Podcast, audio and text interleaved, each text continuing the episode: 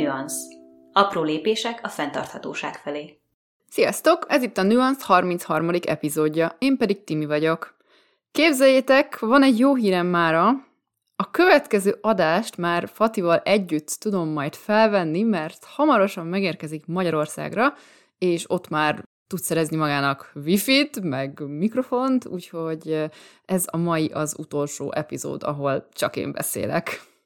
És mielőtt belevágnék a mai adásba, ahol olajról, gázról, atomról, meg zöld energiákról fogok beszélni, hallgassátok meg Fati fenntartható sztoriát a 40 fokos Szudánból.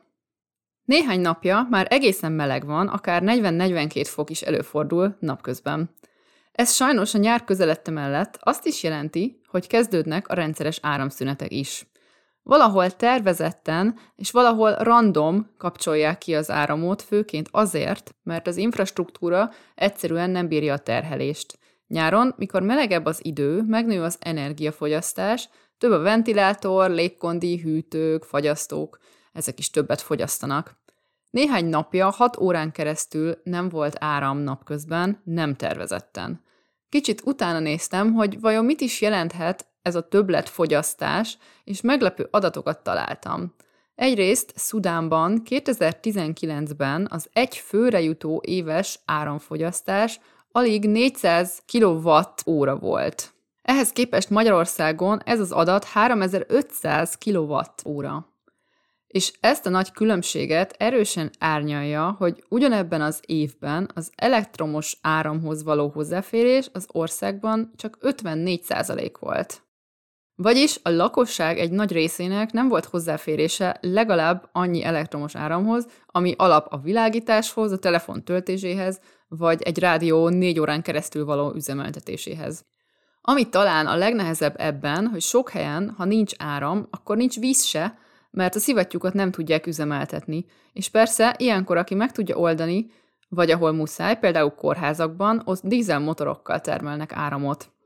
Emellett Szudán egy elég jó helyzetben van, ugyanis az áramtermelésének több mint felét vízerőművekkel állítja elő, és kiaknázatlan nap és szélenergia forrásai is vannak. Szóval még akár az is lehetne, hogy az ország villamos energia igényét megújuló forrásokból. Mi van, kis cicám? Szóval még akár az is lehetne, hogy az ország villamosenergia igényét megújuló forrásokból állítsák elő túlnyomó részt, de ehhez szükség lenne egy olyan hálózat kiépítéséhez, ami bírja is a terhelést, és olyan vezetőkre vagy beruházókra, akik támogatják ezt. Ez egy nehéz helyzet, és csak bízom benne, hogy a következő években ez változni fog, és emberek nem maradnak áram nélkül, amikor szükség lenne rá. Fatinak ehhez a sztoriához most nagyon tudok kapcsolódni, mert Pont pár nappal ezelőtt volt itt nálunk Montrealban is egy több órás áramszünet. Konkrétan 8 órán keresztül nem volt áram, ilyen délután kettőtől este tízig kb. És persze mi se tudtunk róla, mert itt nem szoktak bejelenteni ilyen áramszüneteket, de egyébként már hozzászoktunk, mert a téli viharok, erős szelek, azok elég gyakran előidéznek áramszünetet errefelé, szóval már meg se lepődök igazából, hogyha elmegy az áram hirtelen és ez ugye azért rossz, mert hogy árammal fűtünk, és igazából szerencsénk van, mert nem volt hideg odakint, tehát plusz négy fok volt, ami melegnek számít ilyenkor, és ezért szerencsére csak 18 fokig hűlt le a lakás, este 10-kor, amikor visszajött az áram, de egyébként, hogyha mondjuk kint hidegebb van, akkor nyilván hamarabb lehűl, és egyébként árammal megy minden, ugye vízenergiából állítja elő Kebek az áramot, és ezért árammal működik a fűtés, árammal működik a tűzhely is, sőt ugye a melegvizes boiler, úgyhogy ilyenkor csak egy boilernyi melegvízünk van, még főzni se tudok semmit ilyenkor, nincsen ugye fényünk, nincsen fűtésünk, szóval ez egy izgalmas 8 óra volt a múltkor, de például a férjem elment étterembe és hozott kaját, amit utána a gyertyafény mellett megettünk, mert egyébként este hétkor már semmit nem láttunk. Szóval mondtad, hogy nagyon romantikus volt ez az áramszünet, de azért mennyivel jobb lenne, hogyha esetleg mondjuk lenne saját napelemem, és tudnék azzal is áramot termelni olyankor, amikor hirtelen áramszünet van. Saját fenntartható sztorim az elmúlt egy hétből pedig a sejem iparhoz kapcsolódik, ugyanis YouTube-on követek több olyan influencert is, akik reklámoznak mostanában egy bizonyos márkát, vagyis együtt dolgoznak ezzel a bizonyos márkával, akit most nem fogok megnevezni, és ez egy kínai ruhamárka, aki sejem ruhákat árul. És azt furcsáltam mostanában, hogy olyan youtuberek is dolgoznak együtt ezzel a márkával, akik önmagukat általában vegánként jelenítik meg a videóikban, vagy foglalkoznak az állatok jogaival, fenntarthatósággal, és azzal, hogy mondjuk a kozmetikumaikban állatkísérletmenteset válasszanak. És ennek ellenére a sejmet reklámozzák a videóikban. És ez a youtuber, akinek én most kommenteltem a videójához ezzel kapcsolatban, ő neki egy millió követője van, és erről a ruhamárkáról azt mondta a videójában, hogy hát ez eper levélből készül ez az anyag, már mint a sejem, és akkor így fogtam a fejem, hogy úristen, most több százezer ember meg fogja nézni ezt a videót, és azt fogja hinni, hogy a sejem az eper levélből készül. És ennyi. És semmi köze a hernyókhoz. Mm, na de hát ez nem teljesen így van, mivel ugye azt tudni kell, hogy úgy készül az eperlevélből a sejem, hogy a sejemhernyók megeszik az eperlevelet, legalábbis ennél a fajta sejemnél az eperlevelet eszik meg a sejemhernyók, majd bábot készítenek, az maga a sejem, és ehhez az anyaghoz úgy jutnak utána hozzá, hogy a sejemhernyókat ezzel a sejem bábbal együtt forró vízben megfőzik, hogy elpusztuljanak a sejemhernyók és így tudják csak szépen lefejteni róluk a sejemből készült bábot.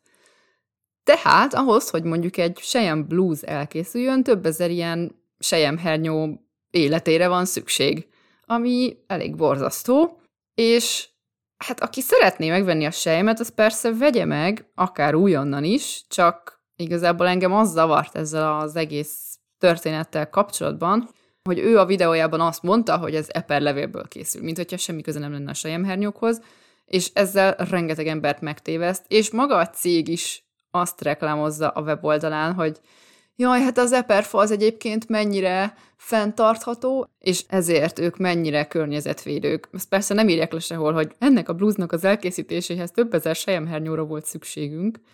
Szóval a kommentben leírtam, hogy senki se higgye, hogy a sejem az eper falevélből készül, mert a folyamat során rengeteg sejemhernyó elpusztul.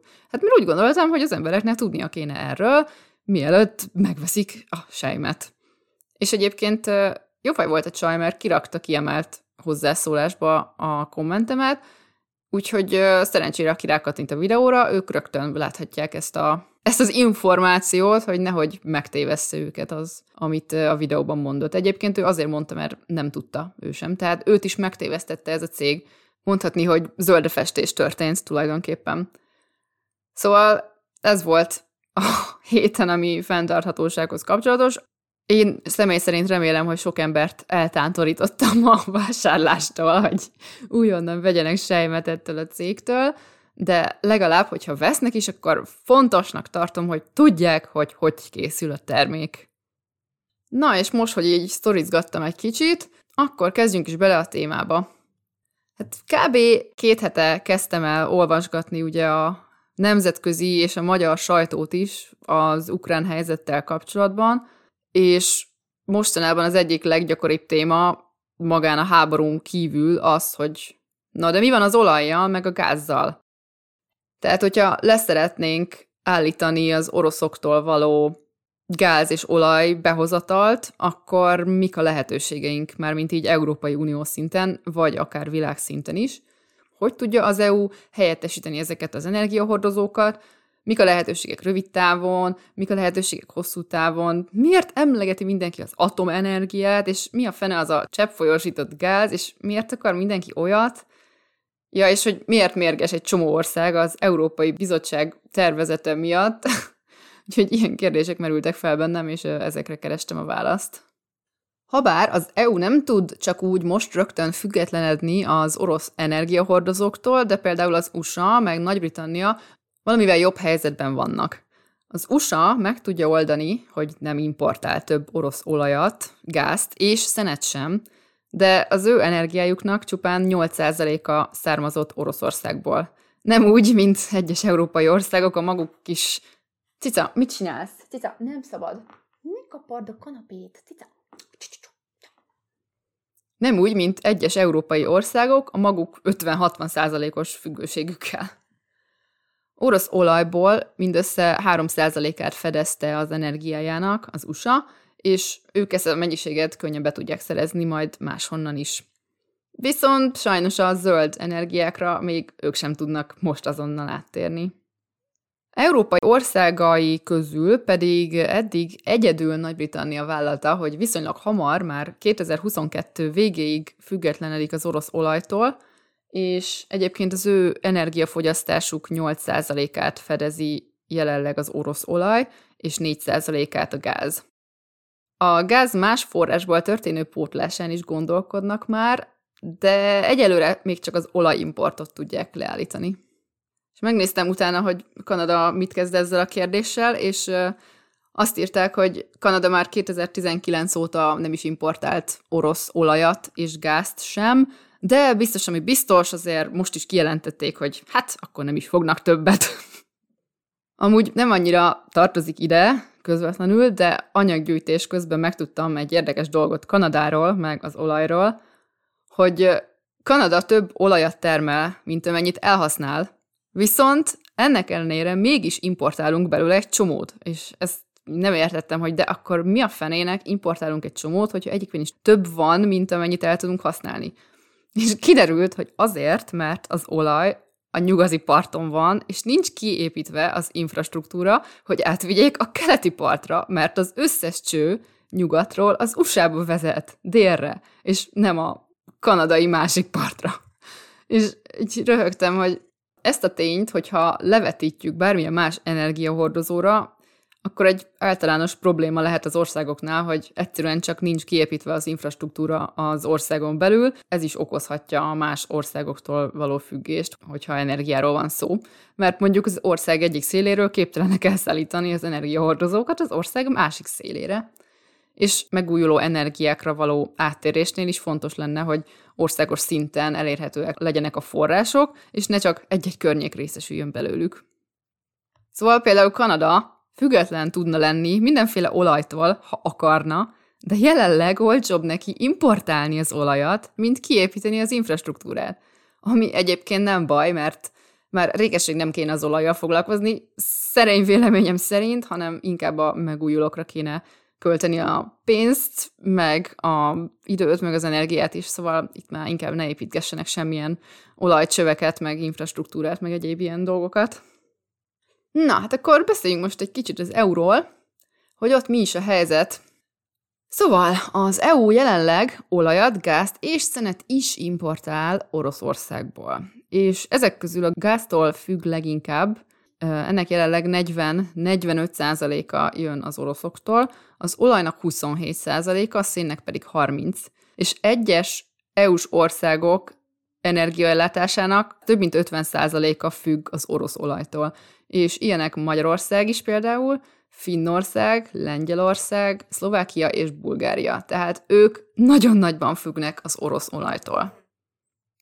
És ez, hát igen, ez túl nagy függés ahhoz, hogy most egy csettintésre elzárjanak mindent, mivel az energiaszektor egy egyébként is nagyon komplex rendszer, és nincs rövid távon jó megoldás, csak rossz, rosszabb és még rosszabb igazából, Hosszú távon persze már szerepelnek zöld technológiai beruházások is, és a gázpiaci infrastruktúra kiépítése, de ezek csak évek múlva tudnák pótolni az orosz gázt és olajat, tehát nem most rögtön.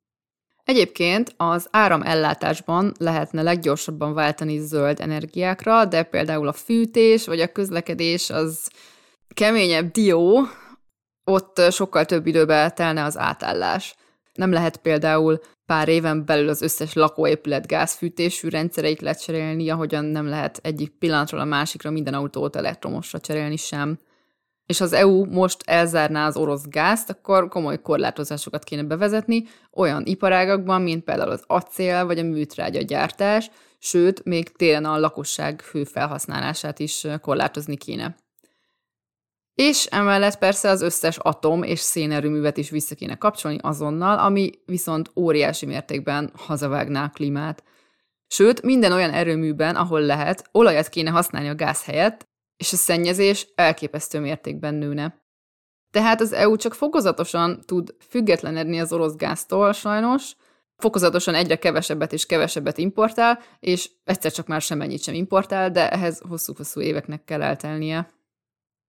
Kelet-Európa, azon belül is Magyarország lenne az egyik legrosszabb helyzetben, ha most azonnal el kéne zárni az orosz gázt, de egyébként Németország is jelentős hiányokkal küzdene.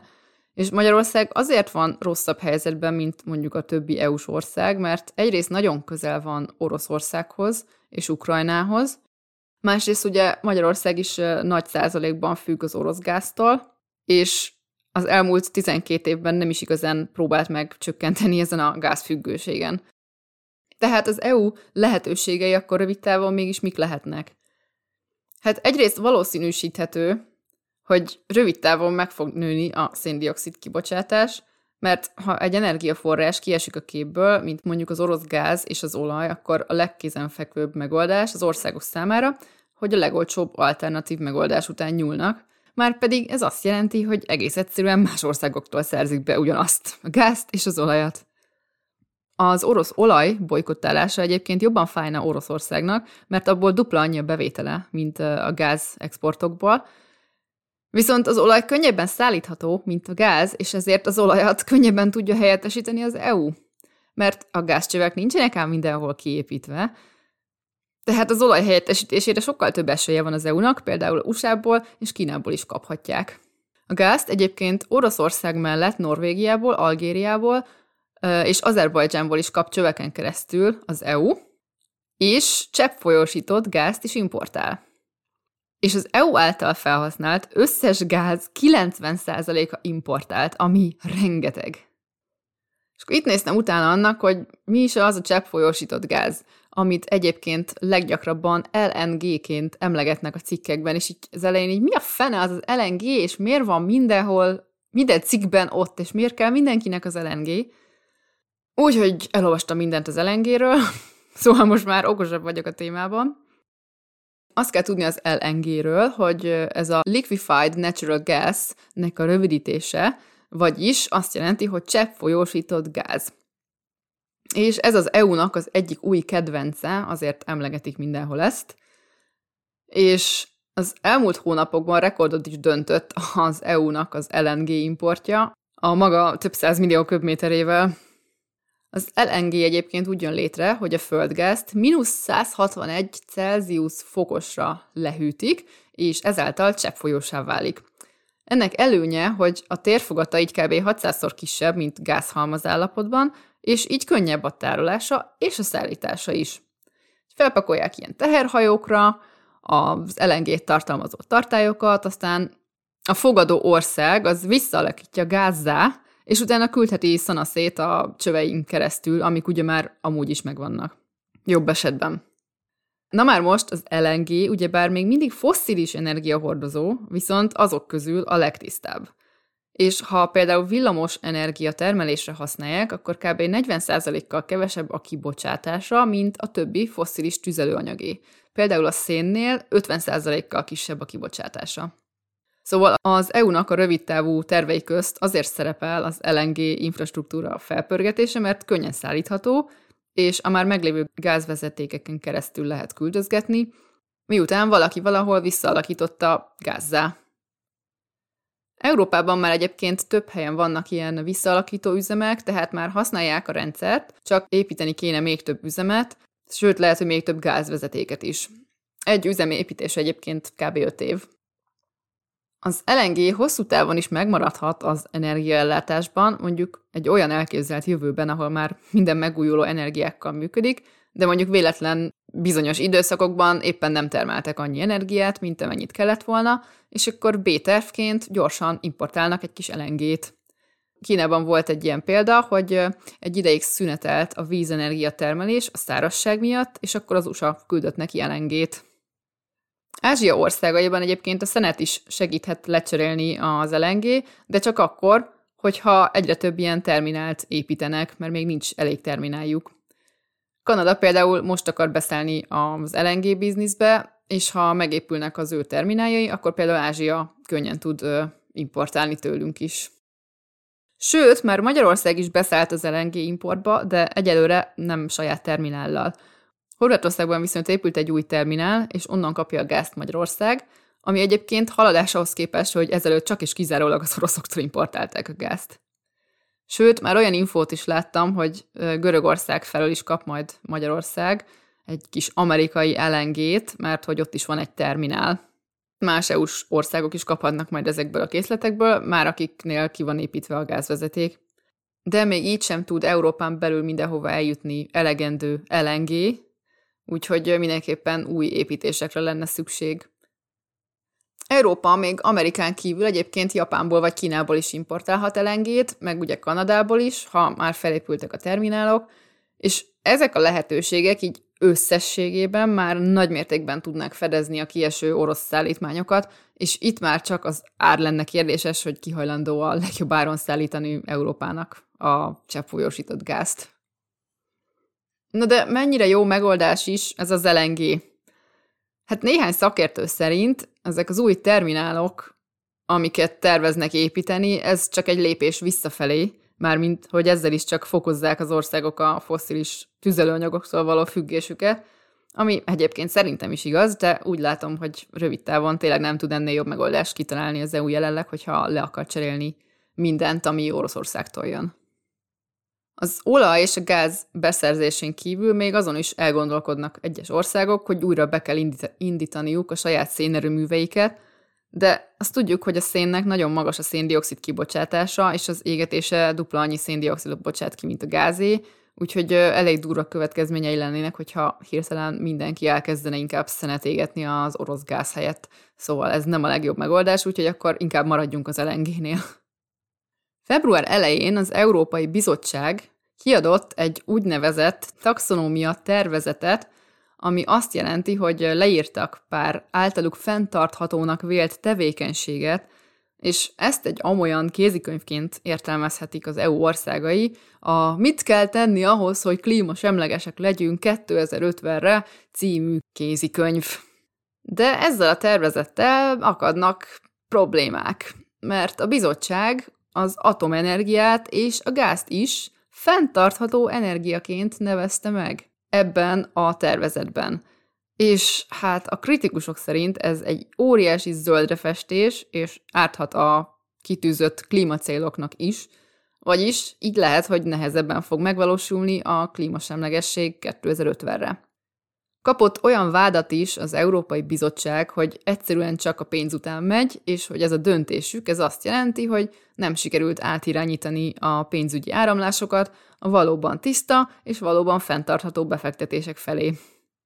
Sőt, egy szakértői csoport, aki az EU-t tanácssal látja el ebben a kérdésben, ők is nem tetszésüket fejezték ki a tervel kapcsolatban, mert ők pedig egy esetleges nukleáris baleset következményei miatt aggódnak, jogosan, és még azt is felhozták, hogy az új atomreaktorok építése egyébként is túl sok időt venne igénybe, és nem járulhatnának hozzá nagymértékben a 2050-es célok eléréséhez. A bizottság erre úgy védekezett, hogy mindkét energiát csak átmeneti energiaforrásként jelölték meg a tervezetben, és hogy így szerintük nem nevezhető zöldefestésnek.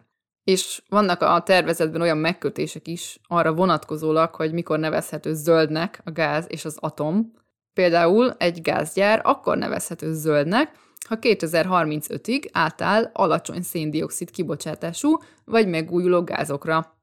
Például biomasszára vagy megújuló energiával előállított hidrogénre. Az atomerőművek pedig akkor nevezhetők zöldnek, ha képesek biztonságos módon megszabadulni a radioaktív hulladéktól. Eddig azonban világszerte nem működött egy állandó hulladéklerakóhely se. Egyes országok elismerik az atomenergiát áthidaló megoldásként, mások viszont erőteljesen ellenzik, és inkább maradnának a gáznál. Van olyan, aki szerint egy befektetőt sem érdekelne a gáz vagy az atom, ha az EU inkább a megújuló energiák támogatásába fektetné a tőkéjét. Ausztria és Luxemburg pedig már azzal fenyegetőzött, hogy beperli a bizottságot a tervezett atomenergiára vonatkozó kijelentése miatt. Ausztria szerint az atomenergia egyrészt túl drága, másrészt túl lassú az üzemek kiépítése, hogy segítsen a klímacélok elérésében, és ők is kiemelik, hogy a radioaktív hulladék elhelyezésének problémáját pedig még nem oldották meg sehol. Tehát az Európai Bizottság egész egyszerűen úgy támogatja az egész atomenergia szektort és új reaktorok építését, hogy még senkinek sincs ötlete, hogy hova kerüljön a keletkező hulladék olyan módon, hogy még biztonságos is legyen. Jelenleg az EU tagországok fele használ atomenergiát, Bulgária, Csehország, Hollandia és Lengyelország is tervezik új atomerőművek építését, és Finnország és Magyarország is az atom támogatói közt szerepel. Finnország például most kapcsolta fel sokáig késleltetett vadi új atomerőművét, az Olkiluoto 3 nevezetűt, ami egyrészt Európa legújabb atomerőműve, és azért is különleges, mert Európában majdnem 15 éve nem épült új atomerőmű. Az atomellenes országok között van például Ausztria, Dánia, Németország, Spanyolország és Portugália is. Belgium és Olaszország már meg akarta szüntetni az atomerőműveit, de most lehet, hogy visszalépnek és inkább új atomprojektekbe kezdenek. A németek határozottan elítélik azt a kijelentést, hogy az atomenergia fenntarthatónak vagy környezetvédőnek számítana, és szerintük is túl veszélyes. Ők egyébként pont most tervezték bezárni a még működő atomerőműveiket, és végleges búcsút inteni az atomnak, de emiatt a lépés miatt most jobban rá lesznek utalva a gázra, amit viszont előszeretettel használnának. Hosszú távon persze a valóban fenntartható energiák felé haladnak, de a gáz egy szükséges rossz megoldás addig, amíg nem sikerül a teljes váltás. A németekkel ellentétben Franciaország például az atom támogatói között van, mivel ő már egyébként is 70%-ban atomenergiából fedezi az áramot, és tervezte új atomerőművek építését is. Szóval ők csak arra koncentrálnak, hogy kevesebb legyen a széndiokszid kibocsátás, és nem nagyon törődnek egyéb lehetséges következményekkel. Nekik most ez tűnik a legolcsóbb megoldásnak, hogy ne kelljen az importra támaszkodniuk. Közben mondjuk azt is írják, hogy megújuló energiákat is fejlesztenek, de kérdem én, hogy akkor az új atomerőműveikbe pakolt pénzt miért nem inkább csak a megújulók fejlesztésére költik. Összegyűjtöttem az atomenergiának az előnyeit és a hátrányait is. Az előnyei között szerepel az, hogy maga az áram, amit előállítanak a segítségével, az széndiokszid semleges. És gyorsan előállítható a már meglévő erőművekben. Az atomenergia rugalmas energia, ami azt jelenti, hogy könnyen lehet csökkenteni az atomerőmű áramtermelését, ha mondjuk fenntartható forrásból elég áram keletkezik az országban, és újra növelhető az erőmű termelése, ha pedig éppen hiány van. Előny még az is, hogy a villamos energia olcsóbban előállítható atomerőműben, mint egyéb fosszilis tüzelőanyag égetésével.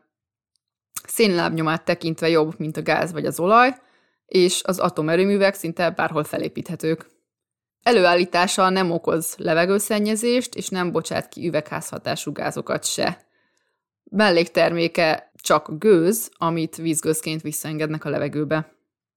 Hátrányai között pedig leginkább az szerepel, hogy radioaktív hulladék keletkezik a folyamat során, és ennek biztonságos elhelyezésére még nincsen tökéletes megoldás.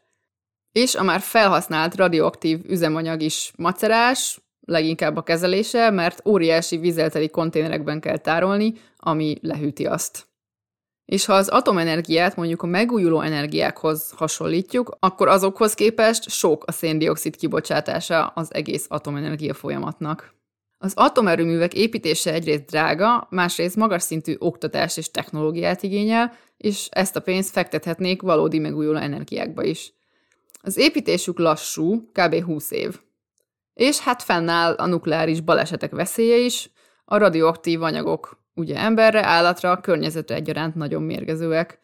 És az erőművek működéséhez uránra van szükség, ami ugyebár egy nem megújuló üzemanyag. Az urán szállítása, kitermelése és feldolgozása sok-sok széndiokszidot bocsát ki, és az új atomerőművek építése szintén rengeteg széndiokszidot bocsát ki.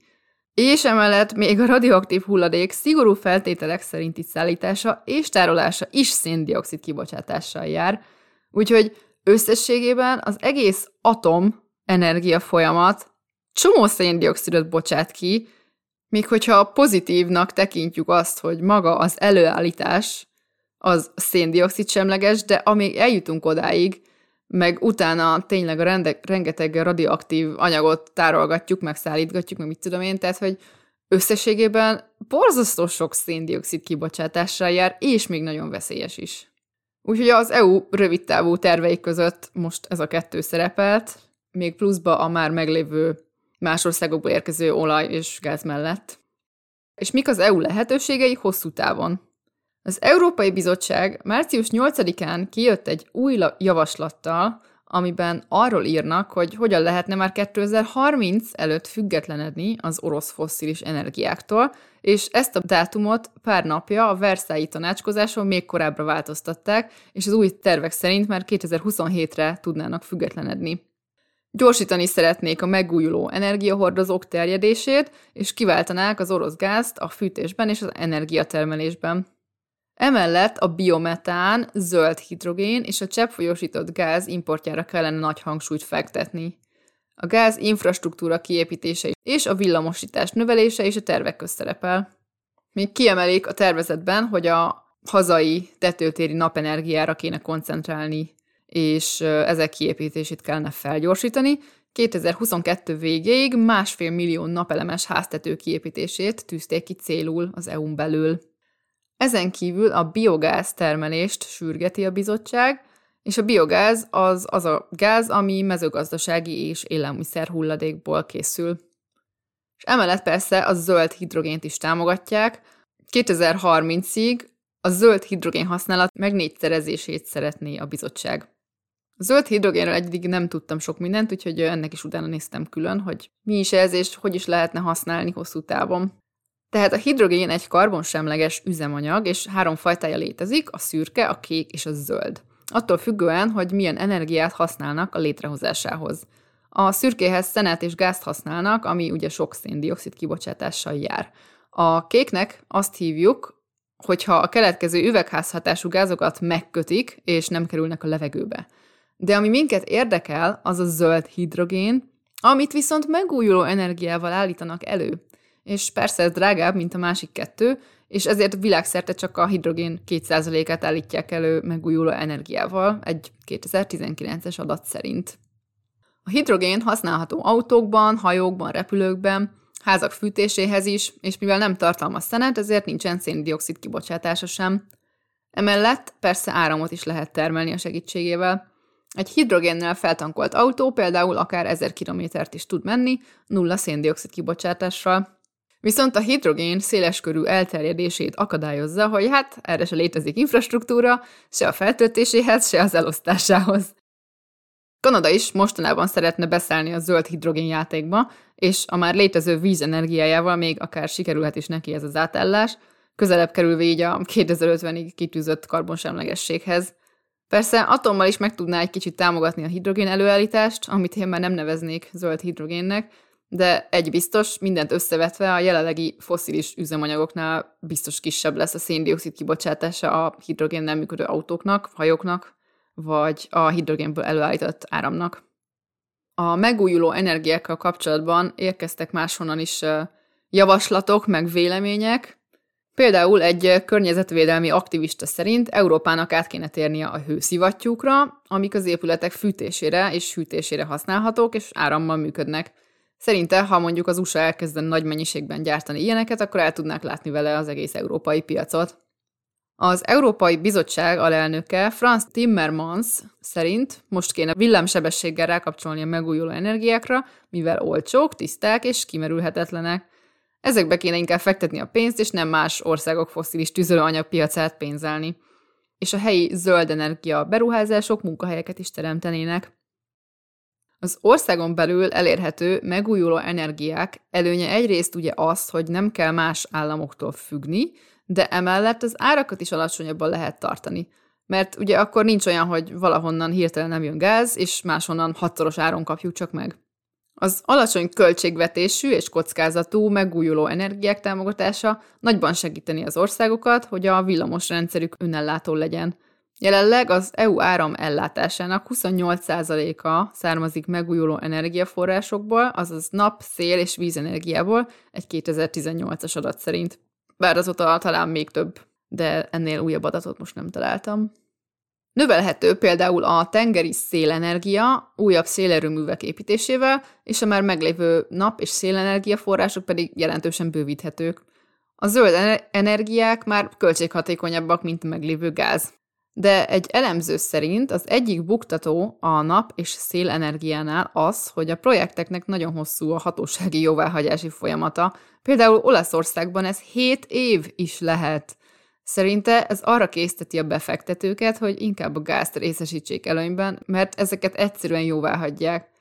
Elképesztő, hogy 7 év egy ilyen projektnek az elfogadtatását, tehát hogy ezen nagyon-nagyon hamar változtatni kéne. Szükséges lenne még az otthonoknál, meg a nagyobb épületeknél, autóknál, és az iparban is a villamosítás, hogyha szeretnék elhagyni a gázt. Magyarországon pedig az épületek energetikai felújítása lenne a legfontosabb, illetve a megújuló energiás beruházások felpörgetése. Például itt is segítene a helyzeten a szélenergia projektek azonnali engedélyezése. Na hát ennyi minden gyűjtöttem össze a világ jelenlegi energia problémájáról. De ugye felmerül a kérdés, hogy jó, de én, mint egyéni kis fogyasztó tudok esetleg valamit tenni, hogy segítsem a zöldebb energiákra való áttérést, Hát mi, mint egyéni fogyasztók igazából azt tudjuk tenni, mint amiket már viszonylag sokszor emlegettünk a podcastban, hogy többek között mondjuk, hogyha nem központi fűtés van az otthonodban, és lejjebb tudod tekerni a fűtést télen, akkor az már egy lépés, és inkább felveszel egy pulcsit, viszont kevesebb energiát használsz a lakásod fűtéséhez, és ezzel jót teszel a környezetnek is, és még a fűtésszámlád is alacsonyabb lesz. Ha pedig van autód, akkor megpróbálhatsz helyette gyalogbiciklivel vagy tömegközlekedéssel eljutni helyekre, amennyiszer csak tudsz, és ahogy hallom, mostanában viszonylag bonyolult Magyarországon benzinhez jutni, úgyhogy az ideális lehetőség, hogy megpróbálj esetleg mással eljutni A-ból B-be.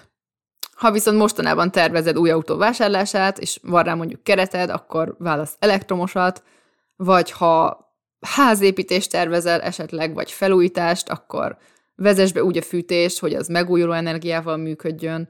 Ha van saját házad, vagy nyaralód, akkor tegyél a tetőre napelemeket. Sőt, ide tartozik az is, hogy mondjuk a lakásodnak vagy házadnak a szigetelését rendbe tedd, hogyha rászorul ilyesmire, mert ha nem jó a szigetelés, akkor ugye sokkal több hő kell a fűtéshez, és csomó energia elveszik feleslegesen.